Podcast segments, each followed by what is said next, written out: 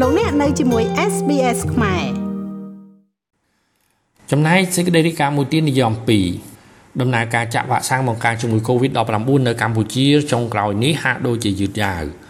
ក្នុងរយៈពេលប្រហែលថ្ងៃចុងក្រោយនេះដំណើរការចាក់វ៉ាក់សាំងបង្ការជំងឺ Covid-19 នៅកម្ពុជាហាក់ដូចជាយឺតយ៉ាវមូលហេតុត្រូវបានមន្ត្រីជំនាញសុខាភិបាលបញ្ជាក់ថាដោយសារតែប្រជាពលរដ្ឋមួយចំនួនគឺនៅក្នុងរយៈពេលនេះជារដូវប្រមូលផលរបស់ប្រជាកសិករ ក្នុងពេលពិនិត្យដំណើរការចាក់វ៉ាក់សាំងបង្ការជំងឺ Covid-19 នៅខេត្តបាត់ដំបងនាថ្ងៃទី11ខែមករាឆ្នាំ2022លោកស្រីវិជ្ជបណ្ឌិតអវណ្ឌិនរដ្ឋលេខាធិការនិងជាអ្នកនាំពាក្យក្រសួងសុខាភិបាលបានលើកឡើងយ៉ាងដូចនេះថាតាមការសង្កេតជារួមរបស់ខ្ញុំបងប្អូនជាពលរដ្ឋអឺឥឡូវនេះលោកបានធ្វើដំណើរដើម្បីមកចាក់វ៉ាក់សាំង COVID-19 ក៏ប៉ុន្តែក្នុងរយៈកាលកន្លងមកនេះ ដោយសារវាគាត់ជូនជាមួយនឹងគឺនៅពេលវេលាដែលគាត់ជ្រុកកាត់ប្រមូលផលចាអញ្ចឹងហើយបានជាបងប្អូនយើងមួយចំនួនលោកមិនទាន់បានមកទទួលនៅការចាក់វ៉ាក់សាំង COVID-19 ប៉ុន្តែក្រោយពីមានការប្រកាសចេញហើយក៏មាន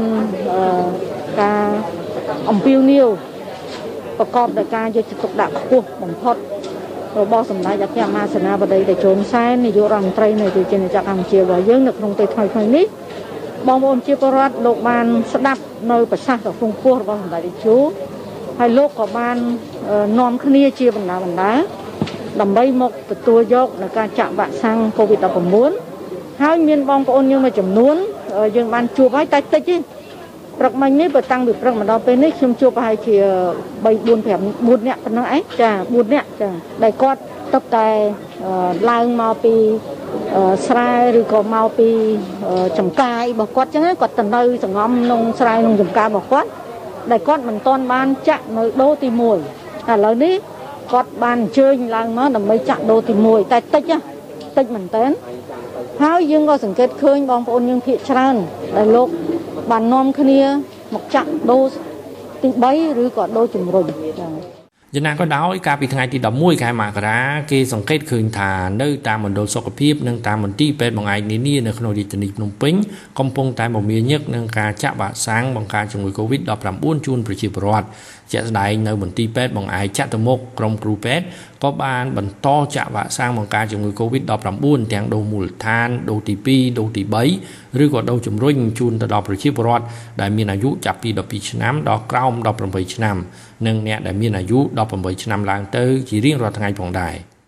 ធម្មតាបងតែលើកទី1គាត់ទៅធ្វើទុកតែធ្វើលើកទី2រៀងលុយថាក្តៅខ្លួនតិចតួចចឹងណាគ្រូសាគាត់នៅផ្ទះគាត់នៅចាក់នៅស្រុកនៅខេត្តអញ្ចឹងខ្ញុំមកធ្វើការនៅហ្នឹងត្រូវចាក់នៅហ្នឹងហ្មងជំរឿចាក់នៅពេញហ្មងទៅធៀមចាក់លើកទី4ទៀត ពីព្រោះនៅពេលដែលយើងបានចាក់វ៉ាក់សាំងនេះណាទោះបីទី1ទី2ក៏អត់មានបញ្ហាសម្រាប់សុខភាពដែរហើយពេលខ្លះក៏ថាយើងវាមានអារម្មណ៍ថាយើងវាស្រួលខ្លួនជាងនៅពេលដែលយើងអត់មានវ៉ាក់សាំងការពារព្រោះបើយើងមានវ៉ាក់សាំងការពារដែលយើងមានអារម្មណ៍ថាយើងមានខែលជុំវិញខ្លួនយើងហើយសម្រាប់គ្រួសារខ្ញុំទាំងអស់គឺតាំងពីម្ដាយរហូតដល់ចៅដែលបានចាក់លើកទី1ទី2រួចហើយប៉ុន្តែសម្រាប់ខ្ញុំវាទៅដល់វេនទី3សម្រាប់ម្ដាយហើយចៅតើមួយខែ ទៀតតែគាត់ដល់ពើបើសិនជាមានដុសទី4ដល់ពេលគ្រប់កំណត់ក៏ខ្ញុំនៅតែចាក់ព្រោះវាអត់មានបញ្ហាប៉ះពាល់សុខភាពអីសម្រាប់ខ្ញុំទេឥឡូវហ្នឹងរាល់ថ្ងៃនេះគឺមានចាក់លើកទី1និងលើកទី2លើកទី3គឺចាក់ចាក់រាល់ថ្ងៃគឺអត់មានថ្ងៃតែឈប់ទេទោះថ្ងៃបុណ្យទានក៏ដោយគឺពួកខ្ញុំចាក់រាល់ថ្ងៃអត់មានថ្ងៃបុណ្យថ្ងៃទានទេគឺចាក់រាល់ថ្ងៃចឹងសូមបងប្អូនទាំងអស់គ្នា នាំគ្នាមកចាក់វ៉ាក់សាំងទាំងអស់គ្នាដើម្បីយើងការពារប្រឆាំងនឹងជំងឺពួកកូវីដរបាយការណ៍របស់ក្រសួងសុខាភិបាលបង្ហាញថាគិតត្រឹមថ្ងៃទី11ខែមករាឆ្នាំ2022នៅទូទាំងប្រទេសកម្ពុជាចាក់វ៉ាក់សាំងបង្ការជំងឺ Covid-19 បានសរុបជាង14លាននាក់ក្នុងនោះអ្នកចាក់ដូសជំរុញឬដូសទី3ទើបតែបានជាង4លាននាក់ប៉ុណ្ណោះនៅថ្ងៃទី14ខែមករាខាងមុននេះ កម្ពុជានឹងចាប់ផ្ដើមដំណើរការចាក់វ៉ាក់សាំងបង្ការជំងឺ Covid-19 ដូសជំរុញទី4ដោយប្រើប្រាស់ថ្នាំវ៉ាក់សាំង Pfizer ជាង2លានដូសដែលជាជំនួយរបស់ប្រទេសអូស្ត្រាលីខ្ញុំម៉េងផល្លា SBS ខ្មែររាយការណ៍ពីរាជធានីភ្នំពេញចង់ស្ដាប់រឿងរ៉ាវបែបនេះបន្ថែមទៀតទេ